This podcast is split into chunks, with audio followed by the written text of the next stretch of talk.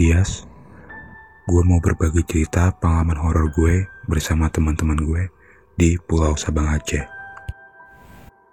Di tahun 2013, kita semua berencana liburan yang sudah kita rencanakan selama satu tahun. Dan kebetulan kita dapat tiket murah untuk pergi ke sana, tapi untuk tiket Bandung ke Medan. Kita ke sana pas lagi libur kuliah. Kebetulan libur kuliah di Jakarta tuh bareng-bareng semua. Jadi, kita harus melalui jalur darat Jakarta-Bandung, terus lanjut jalur udara Bandung-Medan, lanjut lagi pakai jalur darat Medan Aceh, dan langsung nyebrang ke Pulau Sabang Aceh. Kita semua berlima belas orang, 12 cowok dan 3 cewek. Waktu itu perjalanan sangat melelahkan untuk kita yang bikin capek kita semua itu perjalanan Medan Aceh laut darat. Kira-kira makan waktu 15 jam pas jalur darat di Medan ke itu. Singkat cerita, sampailah kita ke Pulau Sabang dengan sangat lelah akibat perjalanan yang jauh. Waktu itu, kira-kira sampai sana tuh jam 4 atau jam 5 Gua agak lupa.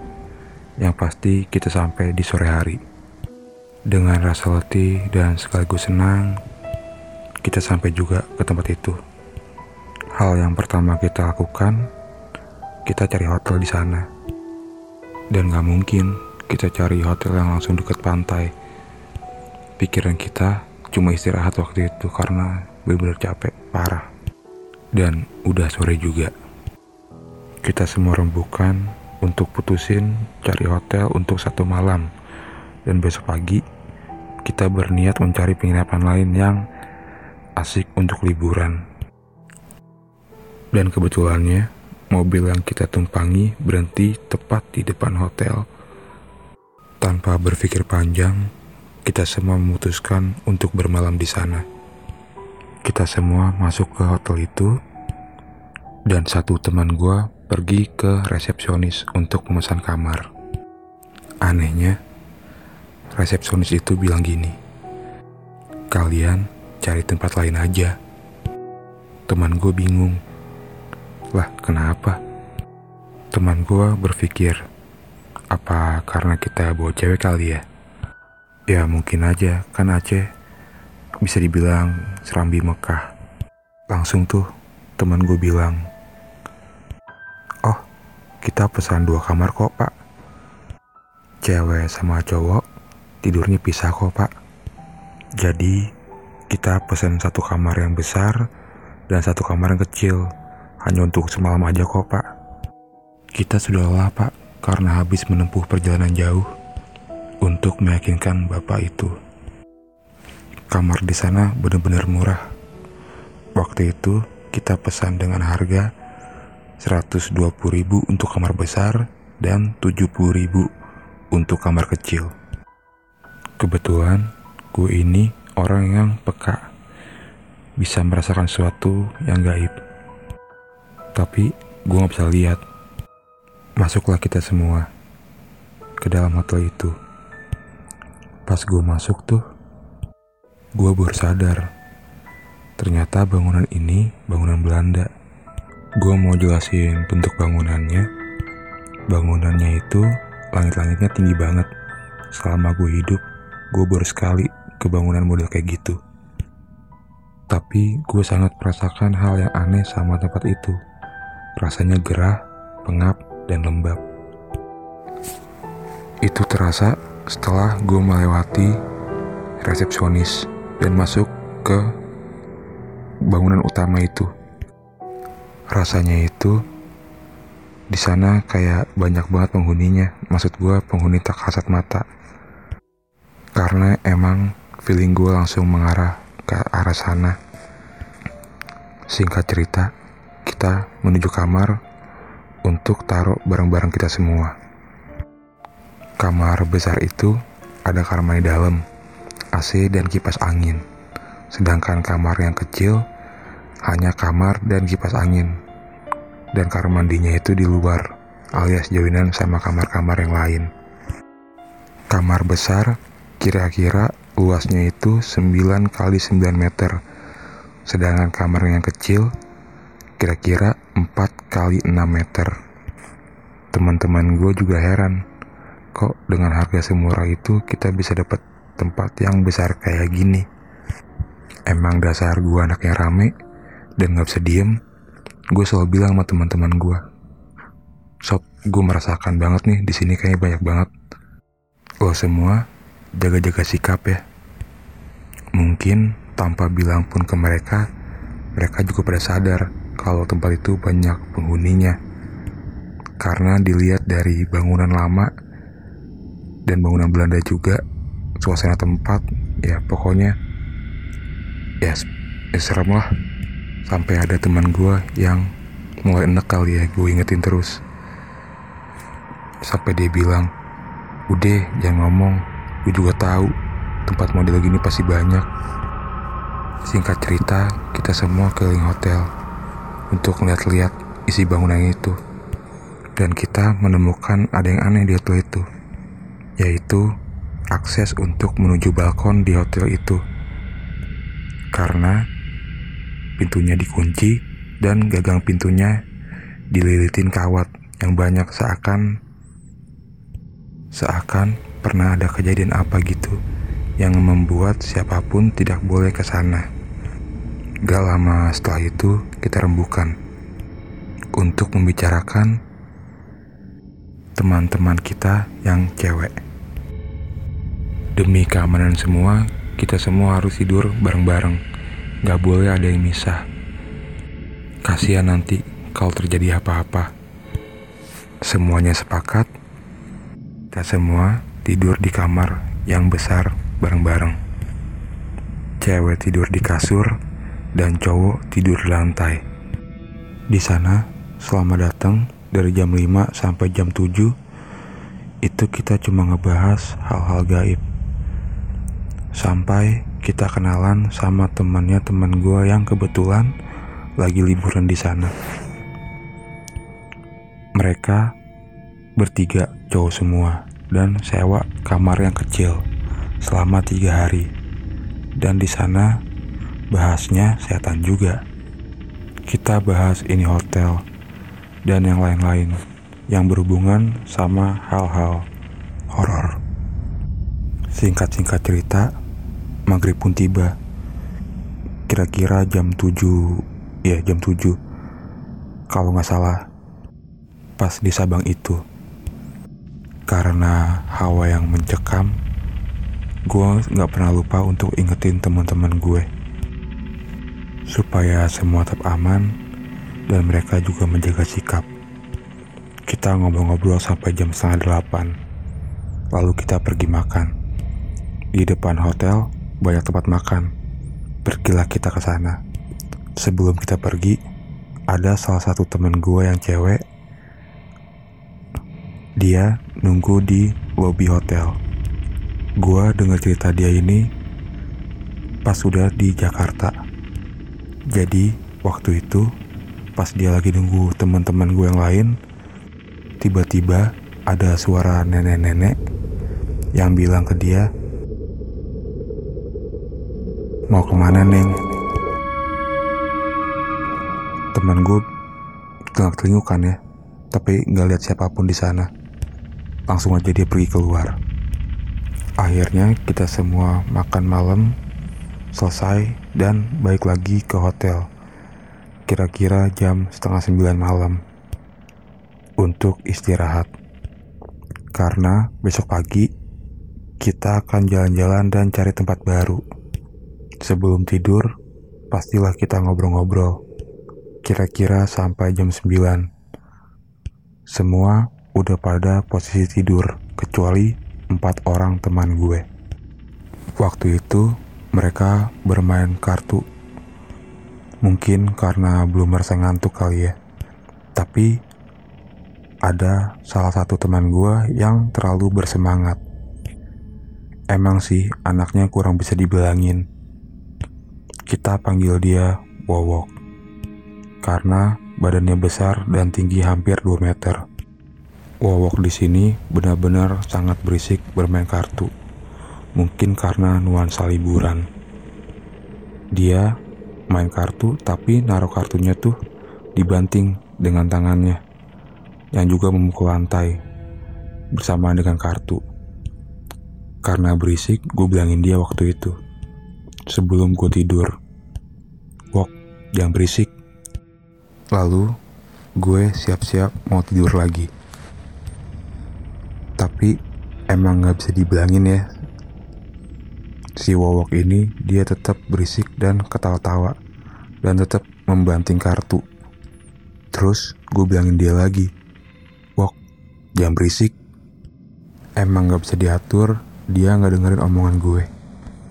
Terus gue bilang sama teman gue yang di sebelah gue dengan berbisik ke dia teman gue namanya Rindo Do kalau lihat nih nanti anak-anak kena digeprak. Lalu tidurlah gue. Dan semua orang tidur. Kecuali empat orang yang bermain kartu.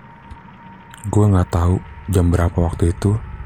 Tiba-tiba ada suara yang super keras dari jendela. Tapi anehnya gue tetap tidur. Si Rindo yang bangun. Suaranya itu kayak jendela di kayak digeprak digedor-gedor Bunyinya itu dua kali dan sangat-sangat keras. Si Rindo sampai bangun. Ada apaan tuh? Lalu empat orang yang main kartu itu langsung tidur yuk, tidur yuk. Dengan sekejap mereka tidur semua tanpa suara. Terus gue gak tahu jam berapa, si Woki bangunin gue. Mungkin karena gue bukan orang yang panik sama hal-hal begitu si Wowok milih gue untuk dibangunin. Yas, Yas, bangun Yas. Yas, Yas, bangun Yas. Terbangunlah gue. Si Wowok itu nyempil antara gue dan Rindo. Pas gue lagi lihat Wowok, dia itu lagi keringet jagung. Sebadan. Terus gue tanya, kenapa lo? Wowok di sini ngomong ke gue dengan suara yang sangat sangat pelan. Ya, bisa dibilang berbisik. Gue tanya, kenapa Wok? Terus si Wok bilang, gue diliatin. Sama siapa Wok? Sama nenek-nenek Yas. Kena kan lo? Kan tadi udah gue ingetin, dua kali lo gue ingetin. Jangan berisik. Iya Yas Ini dia terus liatin gue Gue harus gimana Terus gue tanya Emang di mana Wok? Itu di depan kamar mandi Nenek-neneknya senyum ke gue Yas Senyum menyeringai Terus gue bilang Udah cuekin aja Gue tidur aja Wok Gak usah lo liatin Terus Woki bilang, Gak bisa Yas, gue gak bisa tidur. Kalau gue merem, mukanya makin kebayang-bayang. Terus Woki bilang, gue harus ngapain? Terus gue bilang, ya udah, lo minta maaf aja. Minta maaf karena tadi udah berisik. Si Wok diem tuh. Terus bilang udah. Dia bilang belum hilang ya, masih ada. Terus gue bilang, ya lo ngomong lah jangan ngomong dalam hati terus si Wowok bilang maaf ya nek tadi saya udah berisik jadi ganggu nenek tolong jangan ganggu saya Gak lama sekitar satu menit si Wowok tidur tinggal gua yang belum tidur. Ada yang gue benci di saat itu yaitu kipas angin dan pengharum ruangan tapi cuma bungkusnya doang yang ditempel di kipas angin. Yang membuat background makin bikin horor. Tapi anehnya gue nggak lihat tuh nenek-nenek cuma suasananya aja yang mencekam selama setengah jam gue dengerin tuh suara Sumpah gue benci banget tuh suara. Tidurlah gue. Pagi pun tiba. Bangun tidur, langsung siap-siap, bersihin barang, cabut dari itu tempat. Terus gue nanya tuh sama supir yang nganter kita semua. Pak, di sini serem pak ya? Iya dek, hotel ini yang paling terseram sepulau Sabang. Singkat cerita, kita pindah ke penginapan yang semuanya nyaman Emang sih tempatnya lebih gelap. Karena kita cari yang pinggir pantai. Jadi minim penerangan. Tapi di sana oke-oke aja, nggak ada apa-apa. Setelah liburan dua hari, kita ketemu lagi sama temennya temen gua yang kita kenalan di hotel itu, yaitu tiga anak cowok. Mereka bercerita di kamar mandi umum ada banyak jejak kaki yang basah berjalan di dinding-dinding dan di langit-langit kamar mandi itu. Kesimpulannya, hotel itu beneran serem. Oh iya, gue juga mau cerita pengalaman singkat gue. Karena dalam beberapa hari terakhir, gue mengalami kejadian aneh setelah mendengarkan podcast Do You See What I See? Bukan bermaksud menakut-nakuti kalian. Gua mengalami ini setelah dengerin podcast ini selama 4 hari berturut-turut. Jujur, gue suka banget sama podcast ini. Menurut gue lebih serem dari nonton film horor. Karena semua kisahnya nyata dan emang berasa kalau lagi dengerin malam-malam sendirian. Jadi, selama gue dengerin nih podcast, gue merasakan keanehan yang ada di kamar gue sendiri. Sebelumnya mah tentram. Kira-kira kejadiannya minggu lalu. Gue dengerin hari Rabu, Kamis, Jumat, Sabtu. Hari Rabu semuanya berjalan lancar, nggak ada kejadian apa-apa. Kejadian aneh dimulai dari hari Kamis. Empat hari itu bener-bener gue dengerin ini podcast. Di hari Kamis, gue dengerin podcast sampai malam, sampai gue mau tidur.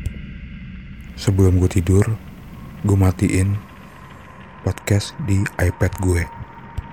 Tapi nggak tahu jam berapa, tiba-tiba iPad gue nyala sendiri dan menyetel podcast ini. Hari itu cuma gue matiin aja dan gue tidur lagi. Kita lanjut ke hari Jumat. Seperti biasa, gue selalu dengerin podcast ini semalaman suntuk. Emang biasanya setiap subuh, bokap gue selalu bangunin gue untuk sholat subuh dengan cara mengetok pintu. Tapi biasanya bokap gue selalu sambil memanggil nama gue, sambil dia mengetok pintu. Anehnya, di malam ini, gue cuma mendengar suara ketukan tanpa mendengar suara bokap gue.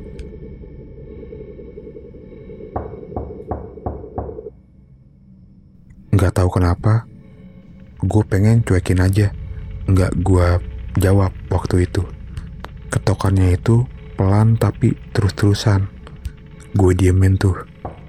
Terus ketokannya menghilang, tanpa ada yang manggil nama gue. Kira-kira 20 menit, ada yang ngetok lagi, dengan suara yang sama, tanpa suara panggilan nama gue. Gue gak tahu kenapa, waktu itu gue gak pengen lihat jam. Gue cuma ngantuk berat aja. Sampai akhirnya ketukan ketukan pintu itu hilang lagi. Kira-kira setengah jam lagi, ketukan itu kembali datang dengan suara sama dan irama yang sama. Tetap gue gak memperdulikannya karena emang gak ada yang manggil nama gue. Tidurlah gue. Gue dengerin podcast ini semalaman suntuk, seperti hari-hari sebelumnya. sampai gue mau tidur. Tapi kali ini gue nggak lupa untuk close aplikasi Spotify sebelum gue tidur dan gue cas iPad gue dan tutup pakai cover dan tidurlah gue dan kejadian ini sama seperti hari Kamis iPad gue kembali nyala dan menyetel cerita di podcast ini gue matiin lagi iPad gue dan gue lanjut tidur lagi tibalah pada hari Minggu adik gue nanya ke gue bang hari Jumat ada yang ngetok kamar abang ya Bella denger tuh karena kamar gua sebelahan sama kamar adik gue. Tapi feeling Bella itu bukan papa. Karena kalau papa yang ngetok pasti manggil nama. Karena gue penasaran, gue tanya ke bokap, Pah, papa pernah gak kalau ngetok kamar tuh tanpa manggil nama? Bokap bilang, gak pernah. Papa selalu panggil nama.